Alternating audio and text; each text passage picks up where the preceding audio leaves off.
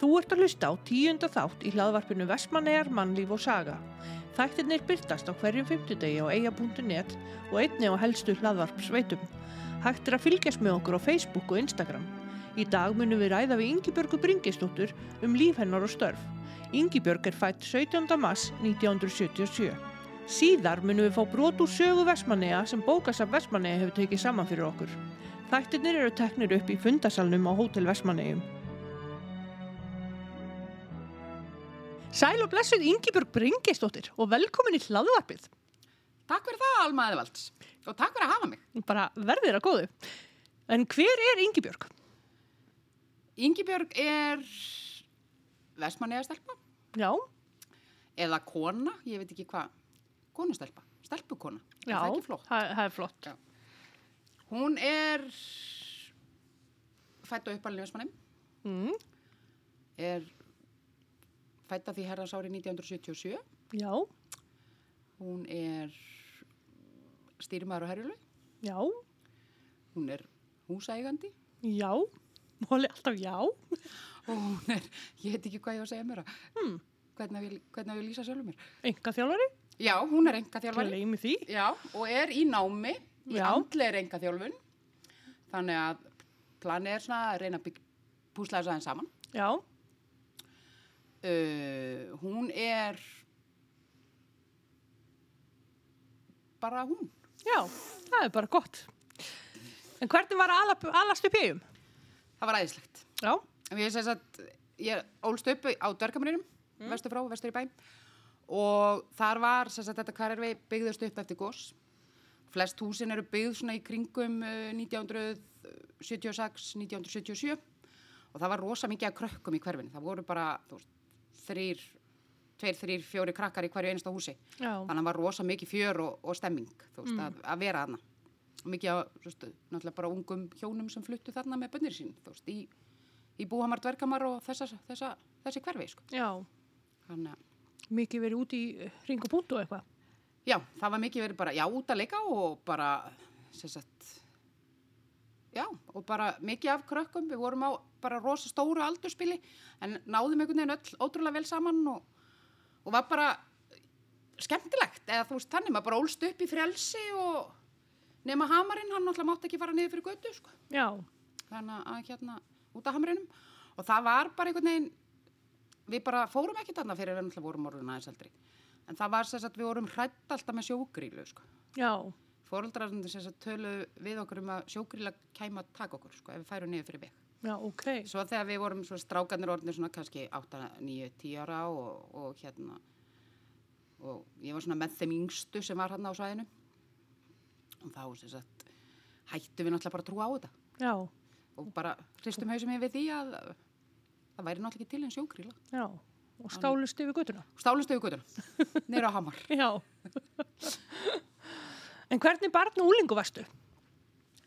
Ég var uh, barn, ég held ég haf nú bara vel við verið, ég var svolítið prakkari, já. Ég var hérna, ég var svolítið prakkari og var rosa mikið með strákonum sem voru hérna í, í kringum mig, sko. maður verið að kveikja sinu og það var verið að smíða kofa og það var svona, þú veist, var rosa mikið með, þess að, já, með strákon sem voru en ég, Já, var mikið um þá hérna á þessu svæði. Já, og hérna, en það voru eitthvað svona stelpur sem að, sem ég gæti svona leikið með nema þá bara í bekknum mínum í rauninni. mhm, Uh, já, ég var, ég held ég hef nú verið ágættis bann, nema svona kannski eins og ég segi, nema bara prakkari og, og var svolítið fyrir það svona að- að- að brasa og detta á hausinn og þú veist, ég held ég sé nú eina fáum sem hefur runnið á andlitinu niður spynnubrautina þegar hún var malavígur. Þannig að á hjólinu, ég var áttaði nýja ára eitthvað sliðis. Og hérna, já, Hm. já, ég held að það sé bara svona, hafi bara verið ágættis, ég man ekki eftir því að ég hafi eitthvað verið eitthvað, eitthvað erfitt barn.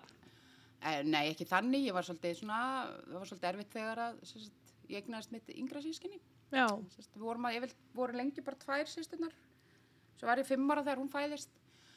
Og sagt, og var svona pínu, var pínu abbó, já, þannig að ég tók svona smá sagði mamma mér allavega svona tímabili svona mótmála skeið og hérna og sem sagt, já en svo bara óks maður upp út í fór bara að vera með já leta hana svo bara vera Já. rauninni, eða þannig, já.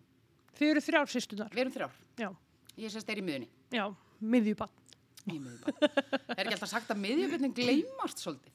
Sumi segja það. Ég, það hefur, maður hefur talað um það. Já, en ég held að þú gleymist ekkert, sko. nei, ég held ég hafi ekkert glemst sko, ég hef ekkert farið neitt fram hjá fóröldunum mínum sko.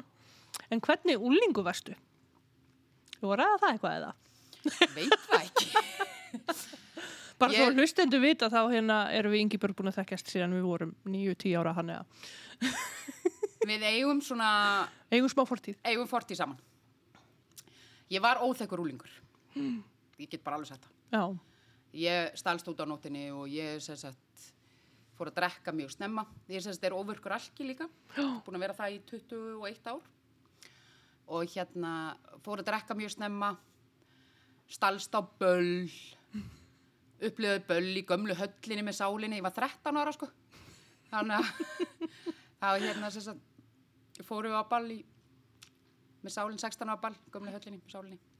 Það var því líka upplifun en hérna já, ég var var rebul, Já. segja það bara. Já svolítið uppreistna gjörn. já, og svona já, en var samt alltaf, alltaf að reyna að vera hérna, þú veist, hérna prinsessan sem blikkaði augunum, sko. Já, en var alveg, var alveg óþekk. Og var stalst alveg og eins og ég segi þegar ég hérna stalst því ég uppgötaði það, ég gæti skrúa glugga minn og opna hann, sko, alveg upp þá gæti ég stólist út þegar mamma og pappa voru söfn já, þannig að hérna.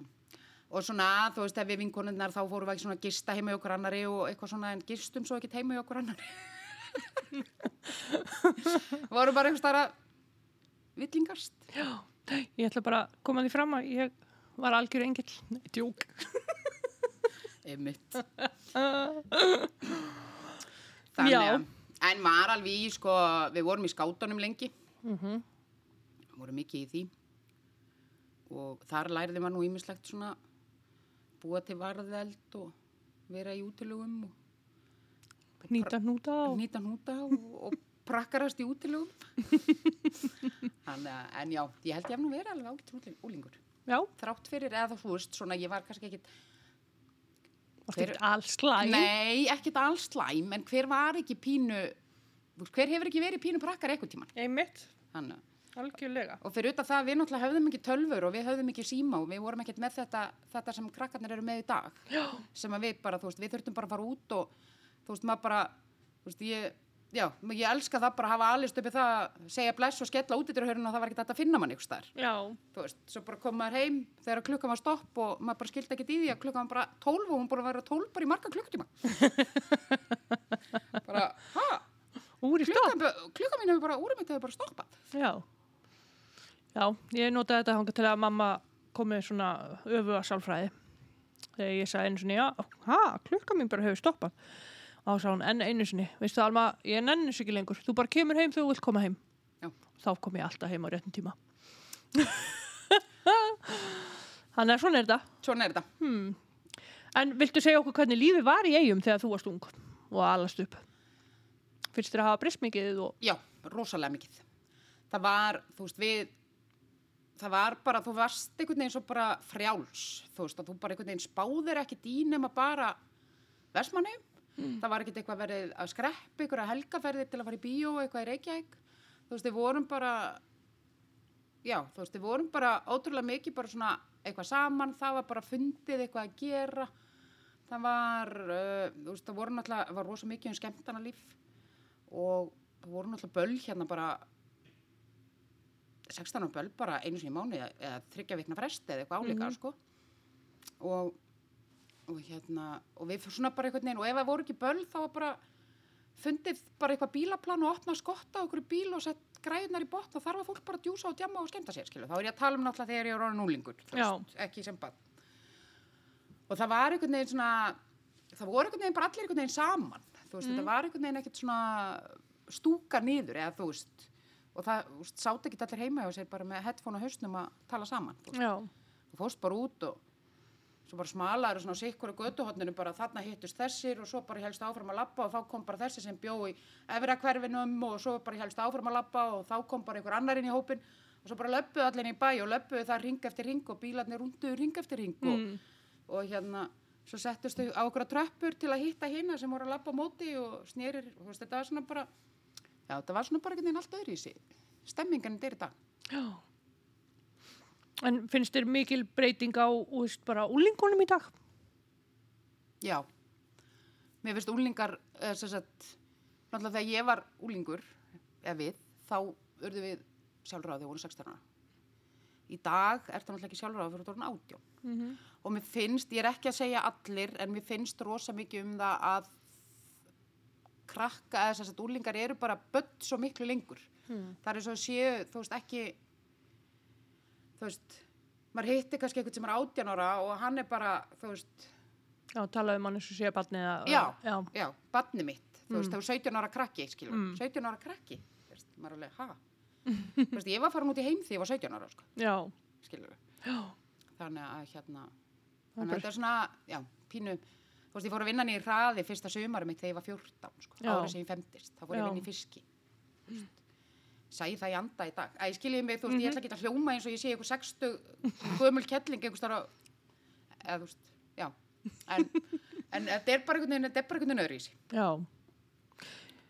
Finnst þér að hafa grætt eitthvað á því að alast upp í eigum? Já, mér finnst það. Mm. Mér finnst um, bara frelsið og það er einhvern veginn svona, ég bara get borðið það saman við frænka mínu sem ég ekkuvel mér, sem bjóð alltaf í Vesturbæri með Reykjavík. Og hún, jú, jú, hún var pínuprakkari og, og svona, þú veist, gerði af sér skammastrygg, en þú veist, það var alltaf einhvern veginn, þú veist, maður þurfti að passa sér mikið betur á bílunum. Maður mátti ekki alltaf, sem sagt, lappa til ömmu þegar við voru krakkar, amma bjó í Vesturbæri líka Mm. og hérna og alls konar svona hlutir það þurft að, þú veist, þurft að passa sér rosa á öllu og var, frelsi var ekki eins mikið Já.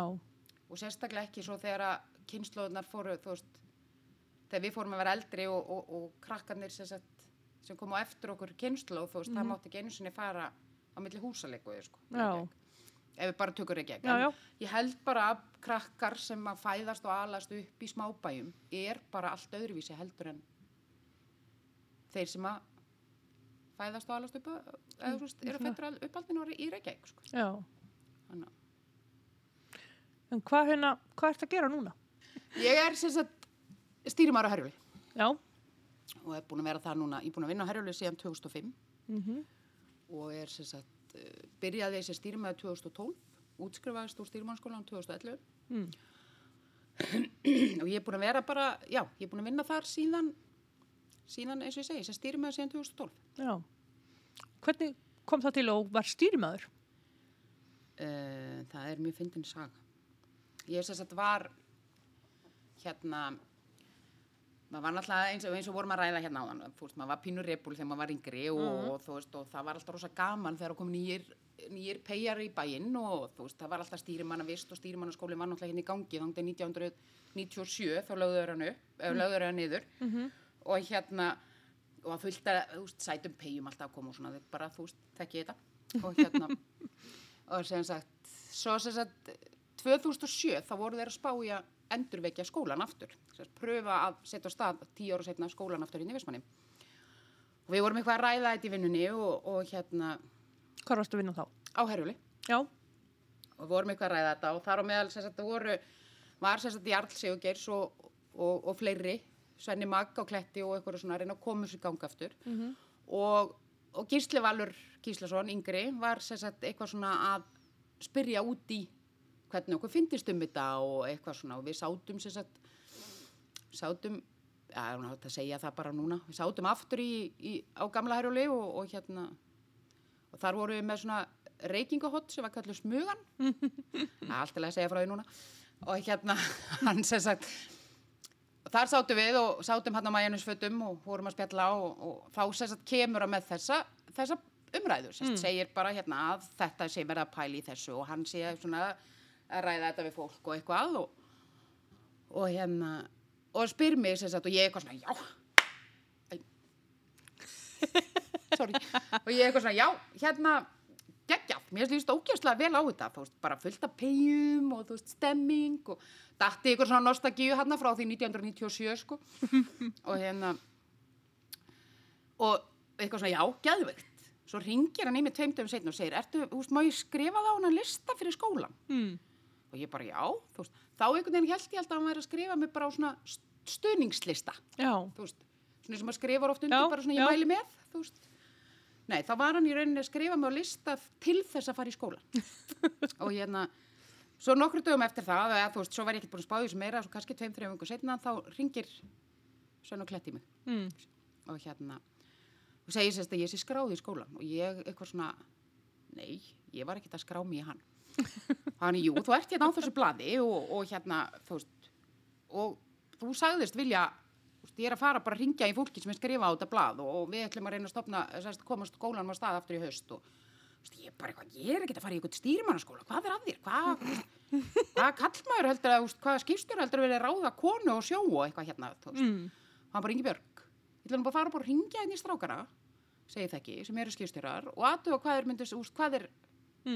og segja við þessu. Já. ringi ég eftir þetta smástund Mm. ég var í vinn á herjuleg og, og hérna og ég eitthvað bara veitir þið hvað síndal ég var að fá? Þú veist alveg hérna mjög þetta var allt mjög förðulegt en svo ringir hann í mig aftur og segir bara þú veist, go for it. Mm. látt ekki svona, þú veist, það sögðu allir já og, og hérna og, og bara áfram með þig. Mm. og ég eitthvað svona, já, já, ok, þú veist why not? Maður mað tapar aldrei á námi. Já, já. og ég fekk sér að vera í svona svo kallu pénámi í skólanum sem að sér þá var ég að vinna svona tveir, tveir, þrýr kerfi Já.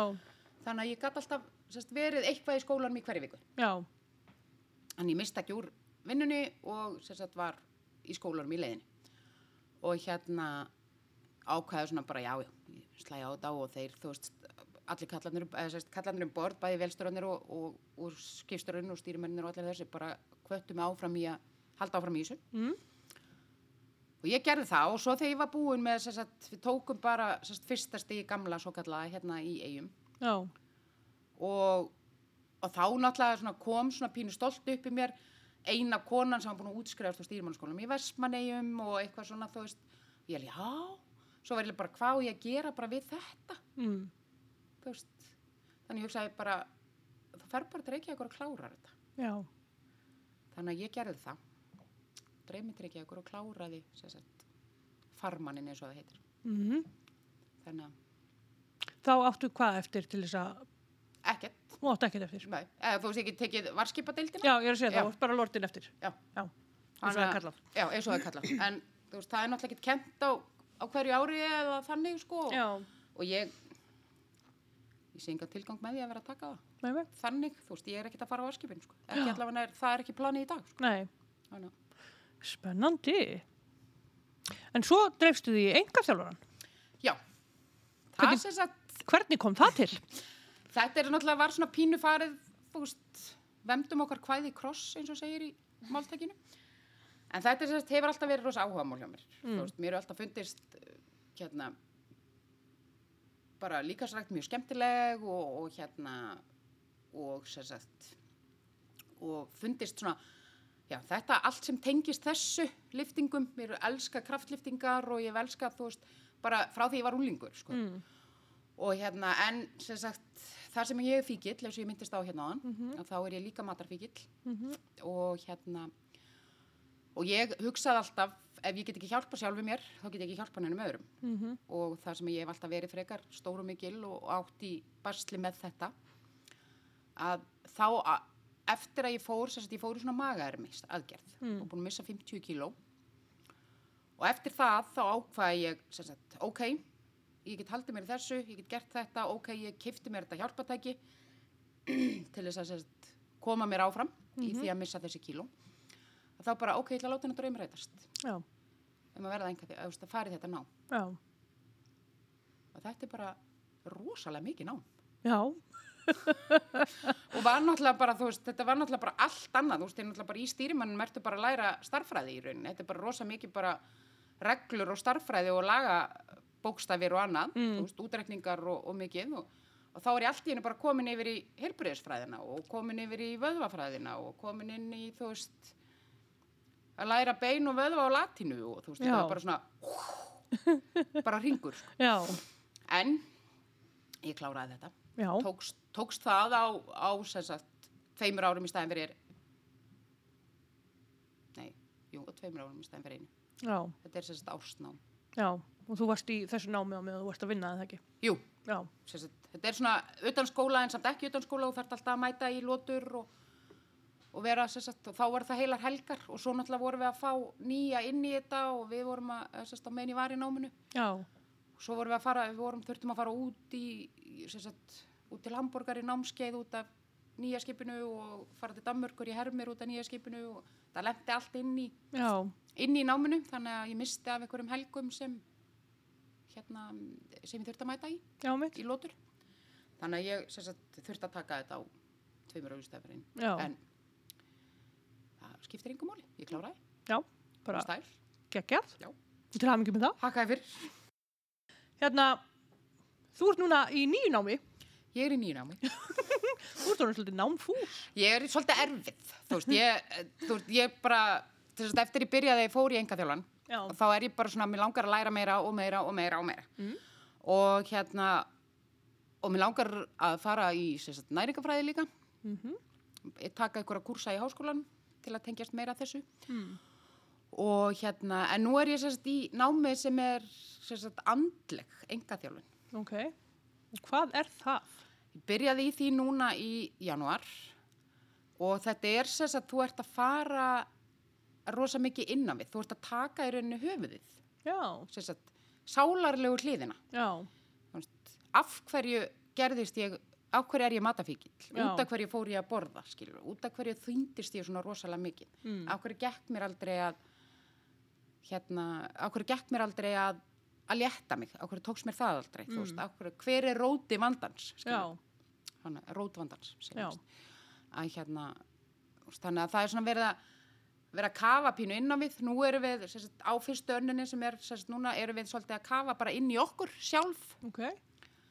þú veist, hver- er, hver er minn vandi, hvað er, þú veist, hver er minn grunnur? Og við erum svolítið að fara í gegnum svona, þú veist, erum að fara, við erum svolítið svona, já, að fara í gegnum svona gúrúa pínu, þú veist, erum að, að skrifa, sagt, bara dæmi, þú veist, sögun okkar, hver er, hver er minn, hvernig var mín æska, hvernig var mín úlingsár, Mm. hvað er, þú veist, af hverju, svona pælingar í, þú veist, af hverju líður mér svona, Já, hvað var þess valdandi að mér fór allt einu að þú veist, af hverju ég fekk ég reyði þarna á þessari stundu? Þú veist, Mhm. af hverju var ég reyð út í ölmu út af hverju var ég reyð út í ölmu? Nei, eða skiljið mig Já, já. veist, hvað gerir ég? þú, þú gerir ekki nýtt þannig að hérna þannig að það er svona verið að við erum bara pínu svona að krifja okkur sjálf. Já, og svo sagt, á næstu önn sem byrjar bara, úst, svo fyrir við náttúrulega bara í sumafrí eins og allir skólar. Mhm, svo næstu önn, þá fyrir við svona að- velja okkur einstaklinga. Mhm. sem að hérna sem við erum að hérna, sem þurfum að krifja eða þú veist, já, sem við þurfum að fá okkur skjólstæðing sagt, og, og svona bara fara inn í andlegu hliðina skilur. já, og grunninn svona, já, bara hver er rót eins og ég segi rót vandans að því að heilin náttúrulega, það byrjar allt í heilanum einmitt, þannig að, þetta er svolítið sniðut. já, þetta er mjög skemmtilegt Mm. Er þetta eitthvað sem það er búið að vera að kenna lengi eða? já, þetta er sem sagt þetta er, sagt, þetta er náttúrulega bara þetta er svona netnámskeið og hún er búin að vera, það eru s- fjögur, þess ekki, sex ár síðan að hún tók þetta sjálf, ok, býr í London ok, sem er að kenna okkur, þetta er íslensk samt og hérna tók þetta sagt úti í tók þetta úti í London sem já, lærið þar. lærði þar Mm, spennandi. Já. En hérna, hvað gerir þú þér til gamans? uh, ég bara ég vinn rosa mikið sko. Já, ég er náttúrulega fer í ræktina. Mm. ég fer í göngutúra, lapp á fjöll. Ég fer og hitti fjölskylduna. Ég ver, er með vinunum. Les, horf á myndir. Ég föndra. Ég, þú veist er rosa mikið eitthvað svona að dúlla mér heima við. Ég veist það rosa gaman. Veist, ég hef hérna breytt, ég já, tekið tarnir þar sem ég breyti, þarf að breyta ykkur til um húsgögnunum mínum, þá fer ég að lakka þau og, svo ef mér langar í ykkur nýja mynd, þá bara býja hana til. Já, Þú veist, ég fer að kaupi með gamla stóla og mála það á bólstra og, og svona, þú veist, ímislegt svona. já, Og nú að var ég, er ég nýflutti nýtt hús, þannig að það er fullt af verkefnið framöndan.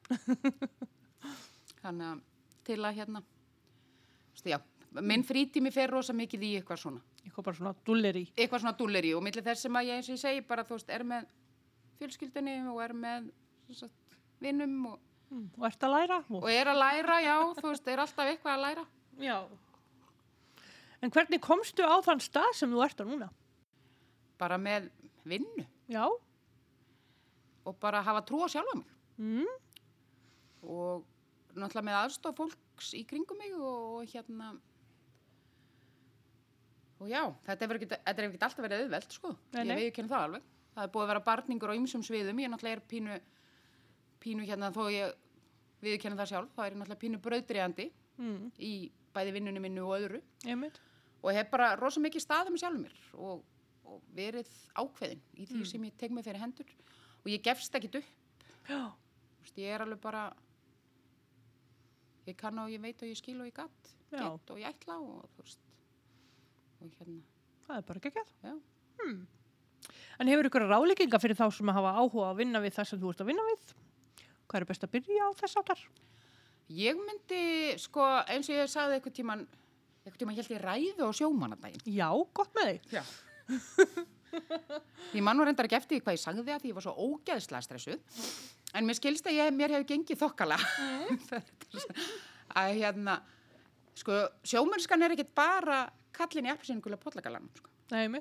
Þetta er, það er rosa mikið í kringum, kringum sjóun sem getur unnið. Já, Og ég, ef þú hefur áhuga, þá, þá mæli ég alveg með því að þú, þú bara farið til dæmis bara í tækniskólan og, og kynnið er hvað er í bóði. mm.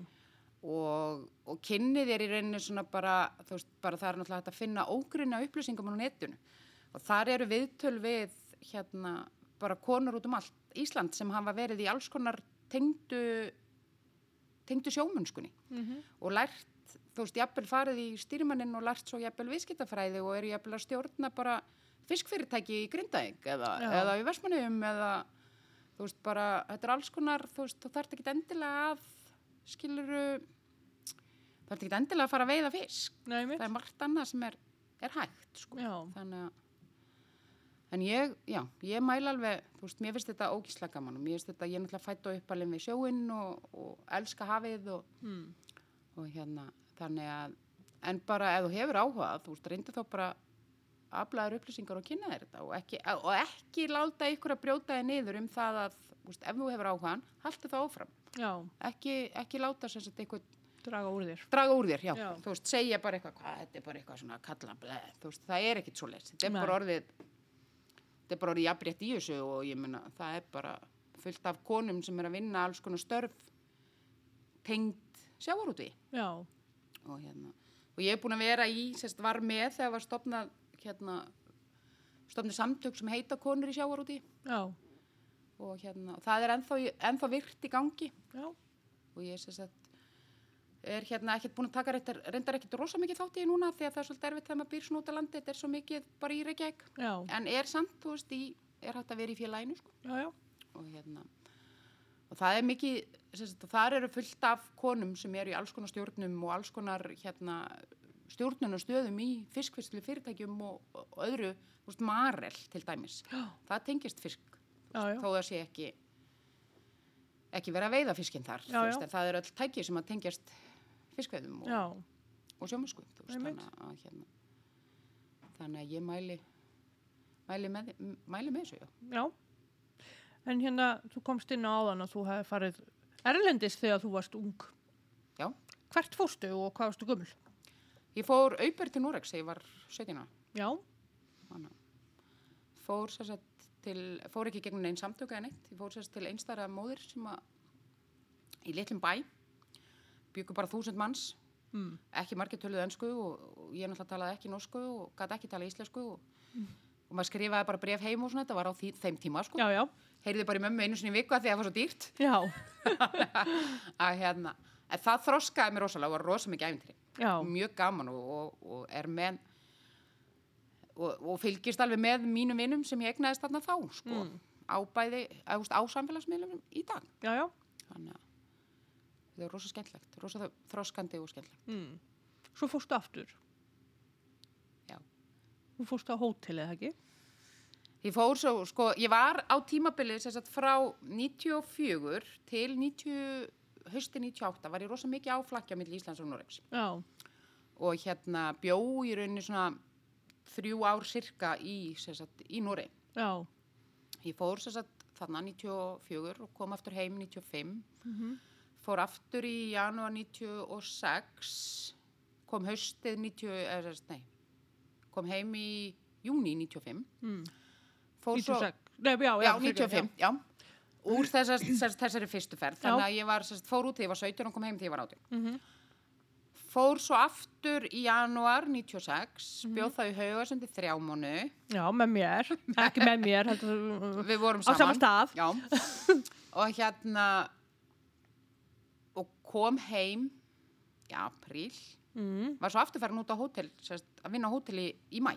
Já, Jú, miðan mæ, enda mæ. já, Í, sérst, í Núri líka. já. og hérna var þar í einhverja mánu, kom heim hann um haustið já, ég held að það veri bara í endaðan september og svo gekk þetta svona í sagt, 96, 7, 8 Já, það fór ég alltaf út á vorin og kom heim á haustin og var að vinna á þessu hóteli í Balistrandi í Nóri já. Og hvernig var það? Að vera á hóteli í Núriði? þetta var rosa gaman það voru sem sagt uh, það voru hérna fólk frá, eða sérst, já, fólk frá bara allstæri úr heiminu sem var að vinna Já, það var svona rosa alþjóðlegt og við vorum sérst, eigandin er einn af eigandunum við erum sérst, kona eigandans er íslensk já, ok. og hún sérst, fór að vinna á þessu hóteli þegar hún var úlingur og, og kynntist sérst, síni hótelstjórans sem að erfti svo hótelið og, og þetta svona gekk erðir og hérna og það hefur verið rosa vinsælt fyrir íslensku, eða var rosa vinsælt fyrir íslensku stelpum fara og vinna hana eða stelpum og strákum. Já, þannig að hérna þannig að sýsti mín, sérst, eldri sýsti mín hún eiga mhm, hún var sérst, að vinna hérna á þessu hóteli 91, 23 já, ok. Þau sumur sko. Að og svo 93 þá fór mamma út með litlu sýstu mína og þær voru hjá henni í, í, í hérna þrjár vikur og mm. þarna á þessu hóteli og þá vann, vann mamma bara fyrir gistingunni sko, fekk að gista bara í einu herbyggju og, já, ok. og vann á meðan og, og svona þannig að við erum eigum alveg pínu svona, ræt, pínu svona tengsl í þetta hótel. Þannig að, og var þetta stór bær sem þetta hótel var í? nei, eða? 800, 900 manns Já, ok. En þetta er svona partur af, sko, þetta var rosa mikið svona partur af þess að rúndinum í rauninni. Þú veist, það bara komuð hann rútur á kvöldin, fóri vilt á mótnana. Já, Þú veist, það var bara svona nætur stoppustuð þannig, Já. þú veist, á leiðinu um Núri. já, Rosa mikið að Japunum sem fóru hann í gegn og uh, Bretum og Amerikunum og, og mikið svona, en þetta er rosa sögufrækt hótel í Núri. já. Þannig að Spennandi. mjög skemmtilegt. Hérna, hvað er stæðsta prakkarastriki sem þú hefur gert? Vá. Ég, ég hef nú alveg gert nokkuð prakarastrykk og ég hef nú alveg verið pínu óþekk sko, en það er svona sem er dettur helsta, einn, einna helst í hug var þegar ég kýrði bílinn hjá mamma og pappa þegar ég var 16 ára á þjóðatíð fymtudeginum á þjóðatíð eftir húkaraball og keirði út af Já. næsta spurning Og mamma og pappi vantarlega ekki kátt. þau vissu bara ekki af þessu þetta var svo gamli bíli, þetta var vinnubíli á pappa sko, þau voru upp á landi, var Já, einn ok. heima Já, tókuðu aldrei eftir að verið... Nei, Og vita ekki, kannski ekki af því eða? Jú, jú. Ertu þetta ég er ekki að uppljósta þetta núna Jú, jú, ég var alveg búin að segja um þetta fyrir löngu síðan sko. Já, og hvernig voru viðbröðin þá? Það var bara já, það bara fyndið Ég var orðin fullorðinn og bíllinn löngu komin á haugana og svona Þannig að við vorum eitthvað vorum eitthvað vinkurinn með ykkur að stráka með okkur og gáðu rosa sniðut Já, fórum út að keira fórum að ná í eitthvað í partí teka fram, ég var ekki með þeirri fyrr. Nei, Alma var ekki með Ég var allt og mikið lengil fyrir það. Já. En já, ertu eitthvað meira sem þú vilt segja okkur? Svona skemmtilegt? Nei, ég veit ekki hvað. Ég gæti nú alveg endalust örgulega, eða eflust talað hérna alveg heil lengi og sagt eitthvað skemmtilegt frá, sko. En, en hérna, nei, ég held að þetta sé svona nokkurn veginn skautað yfir mig og mitt. Já, Svona- ertu hérna, ertu með eitthvað verkefni í gangi? Já, Má ræða það? það má ræða það. Þú opnaði náttúrulega umræðuna bara eiginlega svolítið fyrir alþjóð Já, ég gerði það. og hérna, þú veltir í þessu stóru boltastað sem að hérna var reyndar mjög þörf umræða. Ég veit. Viltu eitthvað segja okkur frá því? Sko, ég er sem sagt um, uppgöta það þegar ég var, eh, við skulum bara byrja því, ég ákvaði það þegar ég var 30, nei þegar ég var 24 ára Mm. að ef ég var ekki búin að finna með mann og eignast börn þegar ég var 35 þá ætlaði ég að fara og bara gera þetta einn Mm -hmm. og hérna og tók eiginlega þá ákvörðum bara þegar ég var 24 ára að ég myndi alltaf gera þetta. Var, veist, þetta er eitthvað svona sem að maður er ekkert eitthvað að velta fyrir sér eitthvað fram og tilbaka þú veist, fram og tilbaka, eða veist. Mm þannig að hérna ég sem sagt svo fyrir að nálgast 35 ára aldurinn og ekki komið mann og ekki komið börn. Ég skil reyndar ekki af hverju það er frábær. Hérna. En já og fer svo ákveða svo að ég er orðin hann 35-6 ára að þess að ég ætla að fara í Artmedica eins og að hétt þá Mm. sem eru sem sagt svona tæknifrjókunar stöð er Já. sem hjálpar fólki sem á við vandamál að stríða að eigna spönn Mhm. og hérna sem sagt fer þangað og rosa borubrött hegi mæti og bara á sko ég ætla hérna þú veist eitthvað svo bara fæ ég svona ég fæ svona óksla leiðilega móttökur þegar ég kem að Mm. og bara svona hort á mig eins og ég var búin að já, bara eins og ég ætti ekki heima þarna fannst mér Já. og sagt, fæ svona eins og ég var búin að segja ykkur áður ég náttúrulega var átti við matarfíknastur í þá og, og hérna var frekar í vel í holdum með fagurt hold fjarrri beini eins og konan sagði um árið og hérna þannig að ég sem sagt já, fer hérna í viðtal hann hjá lækni og hann svona er svona, svona leiðilegur, veist, mér fannst það svona, ekki kannski leiðilegur, hann var svona þurra á mannin Já. og segir svo við mig, já, þú getur aldrei farið í gegnum þetta ferlin ef þú léttist um 30 kíló. Já. Og ég alveg bara, ha? Já, annars ertu bara, þú veist, þetta á ekki eftir að hefnast og þetta á ekki eftir að, þú veist, þú ert eftir að lendi í alls konar vesinni og þá far seikusíki og fæðingaþunglindi og þú bara lendir í kistunni og six feet under. Liggu við hann, saði við mig, skilur, Já. ef ég ætlaði mér að fara í gegnum þetta ferli. Og ég eitthvað svona bara, já, en þetta er eitthvað sem ég ætla mér að gera Mm og hérna svo sem sagt fer ég, fer ég í skoðun hjá honum og hann bara já já þetta lítur allt eitthvað vel út og bla bla bla svona bara þú veist opastlega leiðilegur þú veist Já. þetta er bara svona minning sem ég langar rosalega ekkert mikið að eiga því að þú veist þetta er náttúrulega erfiður hluti Já, hlutur, já. þú veist og Algjörlega. hérna þannig að ég sem sagt bara og fer hann í viðtali á okkur félagsrákjafa líka eins og maður gerir alltaf þú veist það er verið að tjekka svona andlegu stöðun á manni -hmm. og hún var rosa þurra mannin líka mér fannst hún mjög svona bara einhvern veginn bara svona, já, bara einhvern veginn leiðileg við mig mm. og bara, þú veist, það má ekki tala um pappan og það verður bara, þetta er sæðiskefi, þetta er sæðiskefi, þetta er sæðiskefi, alltaf, þú veist, hún tugðist á því, sko. Já. En ég lappaði þarna út með þess að, eða hvað, hérna, hérna, beðinni upp á blóðpröfu og, og hérna, myndatöku á, á leiði og egg, eggjastokkum og eggjaleiður. Ég kem inn heim og, og fer að í blóðpröfuna. Svo akkurat deila bara um leið að ég er búin að fara í þessa blóðpröf þá kemur verkfall hérna hjá meinatæknum og hjúgrunafræðingum og eitthvað, þetta er náttúrulega hérna fyrir, já, 8-9 ár síðan Já. og hérna og blóðpröfa mín einhvern veginn svona týnist Mm.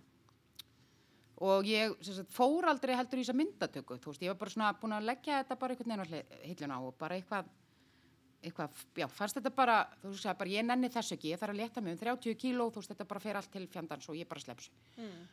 Svo fjekk ég út úr blóðpröfun og þá var eitthvað gildi sem að var ég er ekki læknir og ég þekki ekki allar skamstafannir, en þá var eitthvað gildi sem var ekki alveg í og hérna, sem var á hátt og ég vissi ekkert hvað það, það táknaði. Svo bara var ég búin að leggja þetta á hilluna og það liðu árin og hérna, ég sagt fer að búa með manni.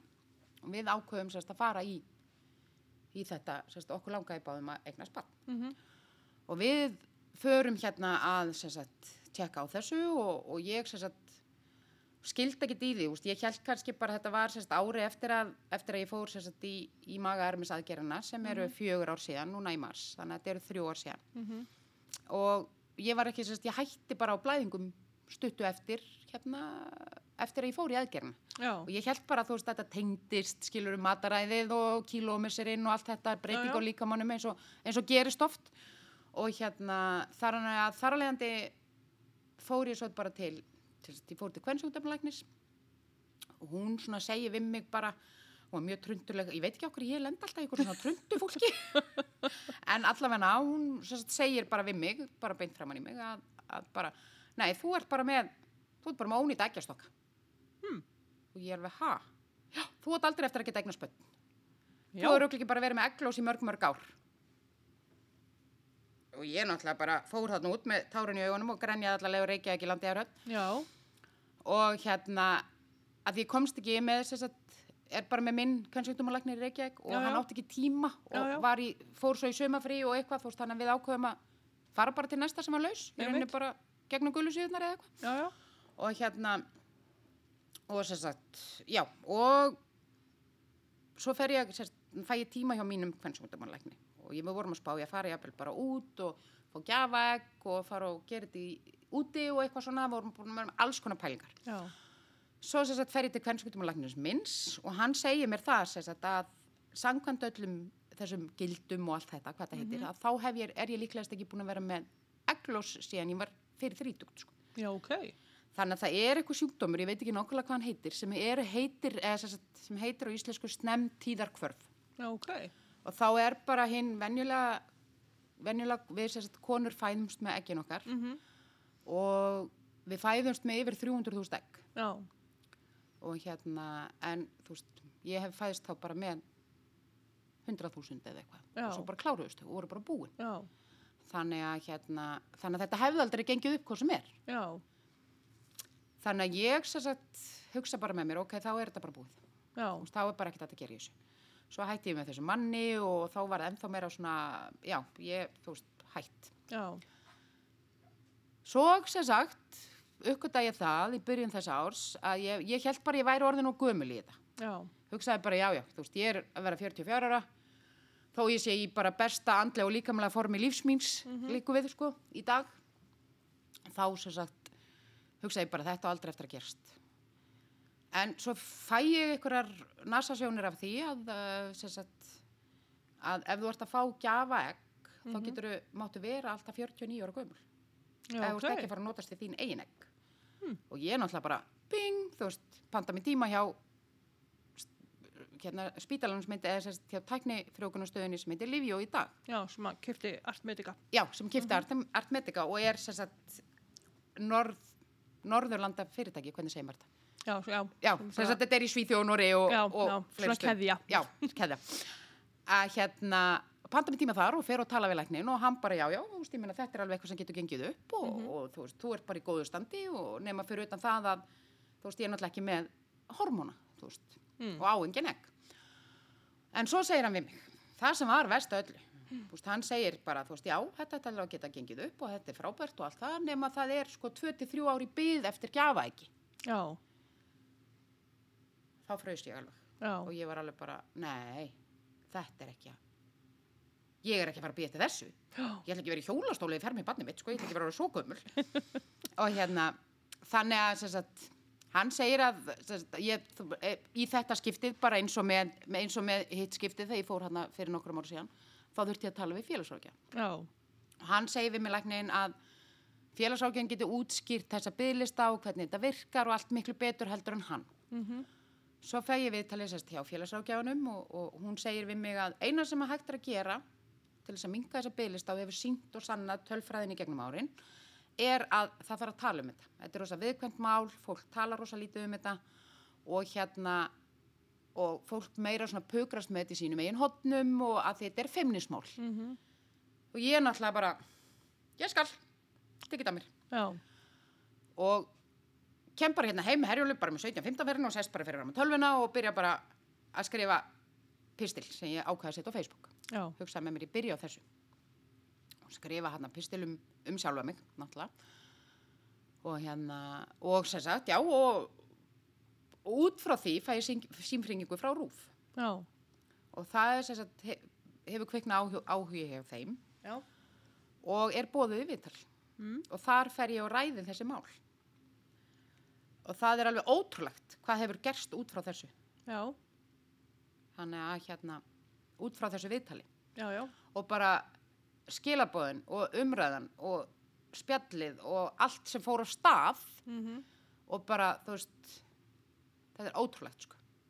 Og bara sé til bara svona gott fólk í heiminum sem ætla bara að gefa þér einhverja, að frumur úr sér af því þetta er náttúrulega svolítið persónulega frumur. Já, það er ekki svo, þú veist en það eru margir sem líta á þetta bara eins og þú ferð og gefur stoppfrumur og þú ferð og gefur ykkur um nýra og þú ferð og gefur mm. skilur Já, já. líka sparta úr þér og að hérna að þá er ég bara komið með ekki afa Já. Og til Það- hamingjum með það. hakkaði fyrir þannig og það er bara allt í ferli Já. Bara vonum að það ferli gangi upp. nákvæmlega, allir að krossa putta Já, og tær. og tæk Nei, þú alveg opnar uh, þessa umræða alveg upp á gátt. Ég mitt hérna sá þig í fréttatí fréttatímanum náttúrulega og svo fréttatímanir sem, sagt, sem að koma á eftir að það var endalaust verið að ræða þetta Já. og, og, og velta vöngum yfir þessu. Emmett. Þannig að já, nei, það er bara óskandi að þetta og fyrir gerir mér, fólki þá kleiftaða hérna já, nákvæmlega og það var að líka komast í þetta ferli fyrir heldur en eftir 2-3 ár eða eitthvað. Akkurat, það var, svona, það var svona líka pælingin hjá mér. Mm. þú veist að meðan ég, næ ég hjálpa sjálfur mig náttúrulega því ég náttúrulega aðeins fyrir sjálfur mig. Já, já, að jafnvel þó ég náði bara veist, að sé ykkur aðri sem fá að njóta góðs að því líka. Já, að því að þú veist ég er eins og þið heyri kannski hérna ég er ekki feimin og ég tala bara. Já, já, og hérna og segi bara frá. Mm. og fyrir mér er þetta ekki engin feimni eða þú veist nei Þannig, og svo var náttúrulega var þetta sínt sko í sjóasfréttum í miðju COVID á lögataskvöldi þar sem allir sátu heimi á sér að horfa á sjóarbið og ég var alveg bara ma, shit, en ok. Kemur stundum í svona aðstæður sem ég er ekki alveg ó, sem ég er ekki alveg nóg góð í, eða skiljið mig þú veist, svona, svo bara, aðja Ingeborg, koma svo. Já. you can do it. Já, nei og bara því fleiri sem sjá þetta því meiri opnast um Já. það er bara svo leis það er bara svo leys Þannig, og það þarf alltaf einhver að brjóta í sín, alveg sem einhverju það er. Sko. algjörlega. Þannig að ég, ég gerði það. Já, og þetta er bara allt komið í ferli og bara Já, spennandi tíma það eru bara spennandi tímar framöndan. Já, svo ertu með aðra snildar hugmynd. Ég veit allt. Nei, Skrítið. Þú varst að kaupa þér hús, Já, rosa fínt hús. Rosa fínt hús. og þar niðri ertu með gamla brunnin Já. Og hvað varstu búin að pæla þar? Sko, það sem heitlaði mér, að, þú veist, það sem heitlaði mér náttúrulega rosalega við þetta hús er hérna, það er búist, þetta er bara frábær staðsending, geðveikur sólpallur, þú veist, ég er, ég er þvílik og sólaðunandi, sko. Æðislegu garður og, og bara allt, en svo niður í kellara er gamli brunnurinn. Mm sem er sérst vassbrunnarnir eins og er í þessum húsum þetta er náttúrulega, þetta er hús síðan 1950 og eitthvað að pælingi mín var að búa til líkasræktarsal Mm. og aðstöður sem það er þetta ganga inn í kjallarann að utan frá Mhm. sem sagt, og, og búa til aðstöðu í sem sagt, bæði gera líkasræktarsalana þar sem ég get tekið kúna til mín og, og líka sem sagt, svona setustofu Já, þar sem að ég hérna get sem sagt, tekið fólk sem sagt, í bara í viðtöl Já.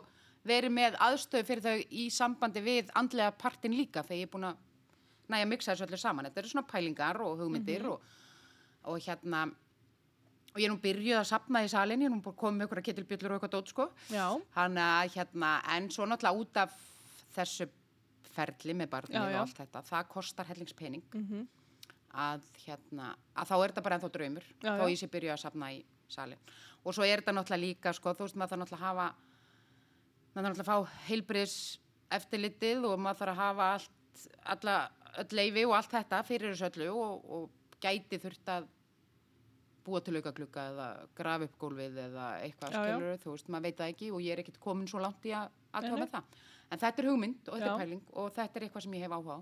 Já, og bara frábær hugmynd fyrir þá sem að eru ekki kannski tilbúinir að fara í líka samt að stöðina. Akkurat, Þann geta farið bara hérna í hana svona enga þjálfun, bókstaflega, frá að til nákvæmlega. Þannig já, þetta er spennandi. Þetta er nefnilega óslega spennandi. Mm. Þannig að ég er rosa, og það finnst öllum þetta sem að sagt, koma og sjá þetta, finnst þetta geðu kugmynd hjá mér. Sko. Þannig að, og þetta gera, sagt, þetta er alveg svona, þetta er alveg aðstæða sem Já, ég búið til bara, og eins og þegar ég bú, verð búið næsta, næsta vor, sagt, voru 2022, oh my god, að hérna með, sagt, þetta, þetta andlega nám, Já, að geta þá spila það inn í með, já. þannig að það er nóg að gera hjá þér. nóg að gera framöndan. Með nóg á prjónunum. Já. Þannig að það er nóg að gera hjá þér. Það Í bara að gera. lífinu og öllu saman. Já, Hmm. Og við óskuðum bara góðs gengis takk fyrir það. og bara vonum að allt gangi upp, upp hjá þér. Takk fyrir það. Já, þetta er spennandi. Bara takk hella fyrir komuna. Takk og við fáum kannski bara fylgjast með þér í framtíðinni. Aldrei að vita. Aldrei að vita. Takk fyrir mig. Takk fyrir. Nú ætla ég að lesa stuttan kabla úr bókinni Eyjar og útegalíf, úrval verka Árna Árnasonar, símritara frá Grund, sem sögufélag Vestmannaeyja í samstarfi Safnahús Vestmannaeyja gáfu út 2012. Þetta sögubrót er í bóði bókasaps Vestmannaeyja, hægt er að afla sér nánari upplýsinga um fyrrnæmt fólk á heimaslóð.is.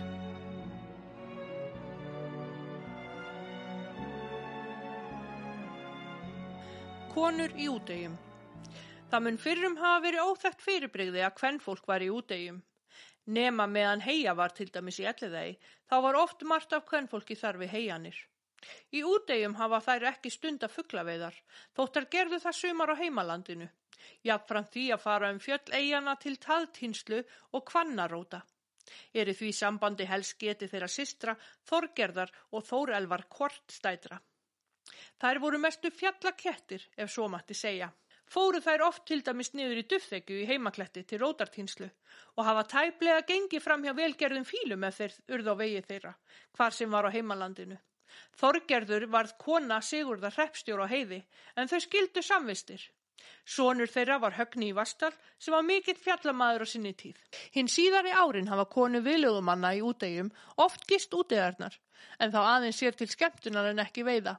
Vitalega er aðstæða til þess að hýsa kvennfólki útegjum ekki góð, þar sem aðeins um eitt herbergi og eldús er að ræða í kofunum. Nema í Álsei, þar er svefnherbergi, matstofa og eldús í hinnum nýja kofa. En þrátt fyrir lítil og einhliða húsakinni hafa konunar ekki vila fyrir sér að fara til manna sinna og dvelja þar alltaf því viku tíma eða lengur og kert sér kolláttar um þótt þær eruð að vera fáklættar í svefnskála viðlegumanna. Konunar hafa tekið að sér matartilbúning og fleiri störf innan hús sem gert hafa allt vistlegra fyrir viðlegumennina. Fyrsta konan sem dvaldi álsei var Guðrún Rapsdóttir, kona Þórarinn Bernótussonar. Þar næst voru þar Sigriður Haraldsdóttir, kona Hlöðvers Jónsson og Lofísa Magnúsdóttir, kona Ott Sigurssonar í Dal og kona Einars Bjarnasonar frá Víki Mýrdal, en þá var Einar í álsei. Svo hefur Jakobína Guðlaugsdóttir, kona Sigurgeis Jónassonar frá Skuld, verið í álsei, líklega tvö sömur og fleira. Einn stúlka var hjá okkur í álsei 1957, að minnstakosti viku tíma. Hún hétt Ester og var frá Östfjörðum, en mann sem gangastúlka á sjúkrahúsin í eigum. Fyrstu nóttina svaf hún ein í gömlu baðstofunni sem nú er matstofa, en svo flutti hún sig inn í söpnhús okkar kartmannana. Henni var alveg sama þó hún var inni hjá okkur í söpbókanum sínum og var ekkert smeg við framkomu okkar gagvart sér. Síðar komu svo til okkar í Álsei, það er í sömu vikunni, menn sem voru að leið söður í gerfuglasker að aðtuga vitastæði. Meðal þeirra voru bæjastjórin Guðlugur Gíslason, Jón Í Sigursson Lóðs og fleiri. Þegar Ester vissi um ferð þeirra var hún óð og uppvæg að fá að fara með þeim í gerfuglasker. Þetta leifi fjekk hún. Mun hún ábyggilega vera einasti kvennmaðurinn sem hefur farið upp í gerfuglasker. Hún hafði staðið sér mjög vel í þessari fjallaferð. Kom hún svo aftur til okkar í Álsei og gisti þar áfram nokkra daga. Fullt nafn stúlku þessarar var Ester Karlsdóttir og hún var frá Djúbavogi. Þegar þau komu aftur úr gerfuglaskeri varð bæjastjórin eftir hjá okkur í Álsei. Hyggja að hann hafi áttar ánægilega stundir þar eð veður var hið ákjósanlegasta. Hiti mikill og solskin. Dvaldi hann hjá okkur í þrjá daga í besta yfirlæti. Hann var góður fjallamaður og allslungin veiðimaður, þótt lítið hafi hann stunda veiðar undarfarin ár. Eitt er vísta hjá okkur nautan kvildar og hressingar að vera með okkur í kyrð og næði og njóta unað semda útegalífsins. Þegar svo Ester fór heim var það fara með hana niður af þjófanefi og gekk það ferðarlega vel. Eitt þótti mér og fleiri einkennandi við þessa stúlku. Henni virtist alveg sama hvernig við sáum hana eða hún okkur. Hún lá í sólbaði við kofan og vegna hinn sterka sólarhita voru við oft nær hálfnæktir. Það skipti hana engu máli. Var engu líkara en hún umgengist okkur sem kvennfólk en ekki karlmenn. Um það voru allir viðlegumennirnir sammála. Ekki ber að skilja þetta svo að neitt hafi verið að stíga í vangingagart henni, en fyrir mátti nú vera afskiptaleysi ungra stúlku, þar eð ungir menn voru meðal okkar. Það hefði einhver tíman þótt undraverð framkoma. En sem sagt, þarna fannst okkur öllum þetta príðilegt og samverðan var mjög skemmtileg. Sem fyrr getur var margt kvennfólk við heiskaparvinnu til dæmis í elliðegi fyrir árum. Þá var og allt fram á síðustu ár margt kvennfólk sem fór í útegjar á samt fjöldabarna þegar farnar voru rúningsferðirnar. Það voru mjög afhaldna skemmtiferðir en það tók margt fólk þátt í þeim. Oft fleira en nöðsilegt var. Það þurfti margt fólk til að slíkra ferða, til dæmis í elliðegi, þar sem mest var að fjö. Einnig fór margt fólk í bjarnari. Svo vart mun ofsagt að nála 20 til 25 manns hafi verið í slíkum ferðum. Var sumt kvennfólki mjög duglegt í þessum útegaferðum og fjallgöngum. Þótt ekki hafi það jafnast á við síðari tíma stúlkur sem til dæmis fóru upp á súlnasker. Þánga mun fyrst hafa farið Fanni Ármannsdóttir, kona Sigurðar Jóelssonar frá Sælulundi Eyjólfssonar. Auk þeirra Ragnheðar Jónsdóttur, konu Vigfúsar Ólafssonar kennara og Ólafar hjúgrunarkonu á sjúkrahúsinu og þess utan Ester Karlsdóttur sem áður er getið og fór upp í gerfuglasker. Þessum stúlkum blöskraði ekki að klæðast karlabugsum og fara á lærvað og láta binda sig sem sannir fjallamenn. Þá hefi ég og getið þeirra er fóru í kirkju í söðurei. Það var einnig hraustlega gert af könnfólki, þar eða svo glæfra ferð er ekki farin af öllum karlmönnum. Suma hefur brostið kjark til slíkra kirkjuferða. Í kirkina fóru þær Helga Sigurðardóttir í apotekinu og Nikolína Jónasdóttir hástisvegi fjögur. Eftir vill hafa fleiri stúlkur farið í álíka fjallaferðir í eigum þótt í minnist þess ekki. En til viðlegu hafa verið konur viðlegumanna í söðurei hinn síðari árin og nokkrar í bjarnarei. Í Suðurei Ebba Þorsteinsdóttir, kona Bárðar Auðunssonar og í Bjarnarei Sigriður Haraldsdóttir, kona Hlöðvers Jónsson og Kristín Þorsteinsdóttir, kona Sigfúsar Jóði Jónsson og sennilega fleiri konur. Þær fyrstu er menn vita til að hafa dvalið í Suðurei voru þær sýstur Yngibjörg Á Björsdóttir Sigurssonar frá Pétursborg og Alda sýstur hennar. Það var árið 1949. Fóru þær með mönnum sínum þanga til vikudvalar. Svo ferbyrji á þann hátt að þegar að Valdimar Tramberg fór út hafnarminnið kom mótorbátur östlandi inn á móti þeim suðureyingunum og trillu Trambergs og láfið að mótorbáturinn letti á trillunni flatri. Tramberg tókst þó á síðustu stundu að sveia svo lítið til hliðar og var því árekstri afstýrt. Þar munaði mjói að ekki hlitist lis. Hins vegar skeitti mótubáturinn þessu ekkert en hjælt sína leið inn höfn. Töldu þeir á grafskipinu Gretti sem var að vinna í hafnaminninu að þarna myndi stórslisverða. Allt gekk vel eftir þetta söður í söðurei. Var lent við stefjan á útsöðusnefi eigarinnar og var allur farangurinn látin þar upp vegna ókunnuleika. Síðan urðu þeir tveir eigin menn kvennana, þeir Jónu Runólfsson, bræðratungu, maður Ingibergar Ágústu og Hilmir Högnason Vastal að bera allan farangurinn af stefjanum heimað kofa. Það er langur burður og erfiður, en það voru þeir slit uppgefnir þegar allt var komið heimað kofanum seint um kvöldið. Hefðu þeir verið kunnugir, hefðu þeir að sjálfsögðu dreyið dótið upp á hellunni eins og vant er. Fólki lág svo þarna í tjaldi en þó eitthvað í gamla kofanum eftir að hafa lagfært hann eitthvað. Hann var þá alveg að falli komin en í slæmum veðrum og regni var hann þó betri en tjaldi þó gott væri. Líti varðum veiði en skemmtilegt fannst fólkinu að vera í söðurei. Þau reynda að fiska af hellunni en festu færið og náðist það ekki úr rauninu hvernig sem að var farið. Til dæmis reyndi trilla að ná því lausu en án árangus. Fyrir skemmtun að draga fisk af hellunni var því viðlegur fólkið af. Ekki lögðu sýsturnar í það að fara í kirkju í söðurei. Fannst leiðin heldur glefraleg. Hins vegar komst Ebba Þorsteistóttir halva leið í kirkjuna þannig að hún sá inn í hana en lengra fór hún ekki. Þá hafði eitt fíl hreyðra um sig í kirkjunni og leið auðsynlega vel þar. Enda þreifst ungin vel í helli skúta þessum þar sem sólar nýtur ekki fyrir en seint að kvöldi um hásumar er sólinn kemur á norður loftið. Mikill sólarhiti er ekki þægilegur fyrir fílsungan. Kemur fyrir að mikið að fílunga brennur sem kallað er. Það er að segja hann drefst vegna hitans. Það er engu líkar en gamli fílinn viti þetta. Þar er mestu fílabyðurnar eru móti norðri þar sem sólarhittan gætir síst.